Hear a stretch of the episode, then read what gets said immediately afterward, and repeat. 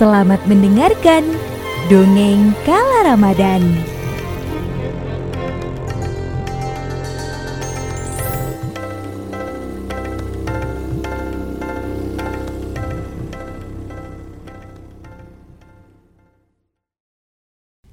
Assalamualaikum Dongeng Kala Ramadan hari ini akan bercerita tentang Rasulullah dan terbelahnya bulan. Teman-teman, selepas dari semua cobaan yang Rasulullah dapatkan setelah berdakwah secara terang-terangan, jumlah orang mukmin pun terus bertambah seiring berjalannya waktu. Tapi, semua itu tidak menghentikan orang-orang kafir untuk menentang Rasulullah. Mereka masih terus menuntut Rasulullah untuk membuktikan kenabiannya. Hingga pada suatu malam, orang-orang kafir kembali mengelilingi Rasulullah. Mereka memiliki rencana baru untuk menyudutkan beliau.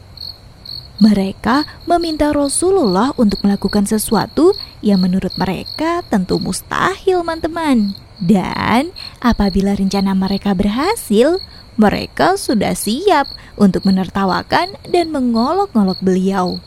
Mereka pun berkata kepada Rasulullah, kalau kau memang seorang nabi, tunjukkanlah mukjizat kepada kami. Iya benar, tunjukkanlah kepada kami mukjizatmu.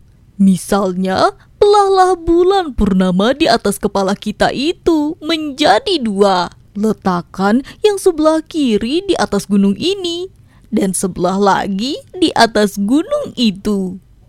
Ungkap mereka. Rasulullah yang mendengar perkataan mereka pun bertanya, apakah jika beliau melakukan ini semua, kaum kafir akan percaya kepada Rasulullah dan kenabiannya?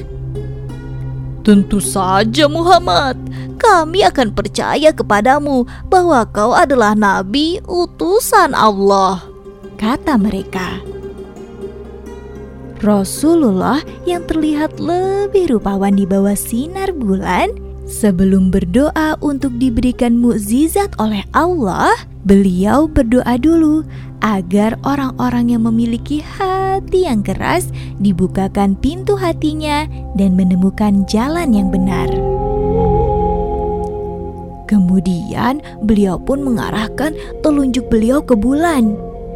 Sinar perak dengan cahaya bintang terlihat membentang di atas mereka. Dengan telunjuk tangan kanannya, beliau pun membuat garis dari bagian atas hingga ke bawah bulan. Saat itu, tentu saja orang-orang kafir tidak percaya atau memperhatikan penuh apa yang sedang terjadi. Namun, setelah bulan ditunjuk dan terbelah menjadi dua, kemudian setengah bulan berada di gunung yang ini, sedang setengah yang lainnya berada di gunung itu, Rasulullah mengulang perkataannya kepada mereka untuk meminta kaum kafir menyaksikannya. Malam itu, Allah telah memberikan mukjizat untuk Rasulullah. Allah sudah membelah bulan untuk nabinya, kekasihnya. Teman-teman tahu tidak apa yang dilakukan orang kafir saat melihat itu semua? Oh, tentu saja mereka terkaget-kaget. Mereka tidak percaya semua ini terjadi. Mereka yang sudah berjanji untuk beriman jika semua yang ia minta terjadi mulai kebingungan. Mereka pun saling pandang. Dan saat kedua bagian bulan itu kini mulai kembali menyatu, orang-orang kafir sangat terkejut dan kaget Hingga akhirnya mereka berkata, "Ini adalah sihir. Ini adalah sihir." Sambil mereka terus bertanya-tanya, apakah kejadian ini nyata? Apakah benar yang dilakukan ini dilakukan oleh Rasulullah? Dan apakah benar beliau adalah seorang nabi?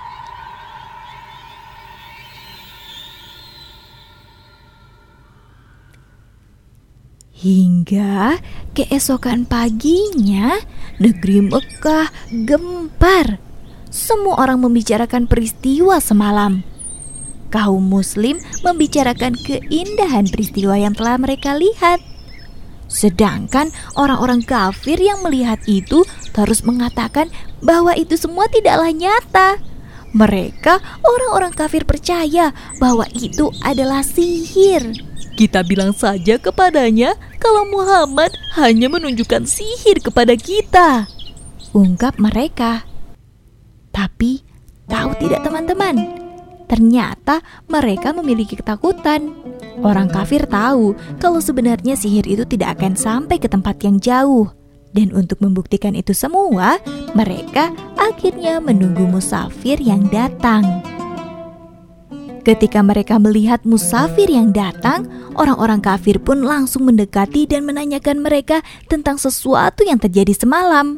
Musafir yang ditanyai pun mengangguk mereka bercerita bahwa dari jauh sana ia melihat bulan terbelah dan kembali menjadi satu.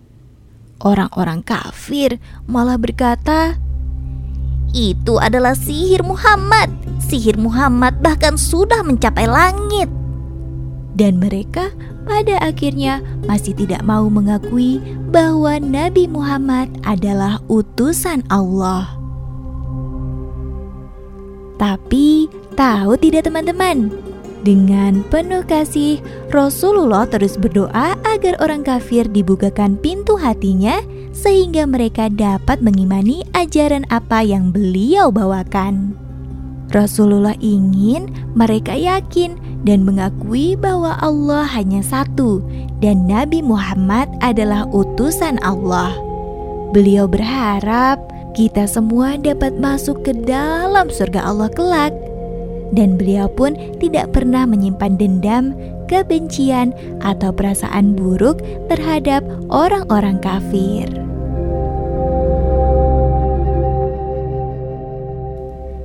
Nah, teman-teman, kesungguhan Rasulullah untuk terus berdakwah masih terus berlanjut, tidak hanya berhenti di sini pun cobaan demi cobaan dapat beliau lewati selama berada di Mekah hingga akhirnya pindah ke Madinah. Rasulullah terus menyebarkan dakwah Islam di mana pun beliau berada. Tentu saja akan banyak hikmah-hikmah yang dapat kita pelajari dan kita amalkan dalam kehidupan ini dari kisah-kisah Rasulullah Sallallahu Alaihi Wasallam. Semoga dengan mengenal Rasulullah semakin kuat pula iman kita dan kelak akan mendapatkan syafaatnya. Amin, amin ya robbal alamin.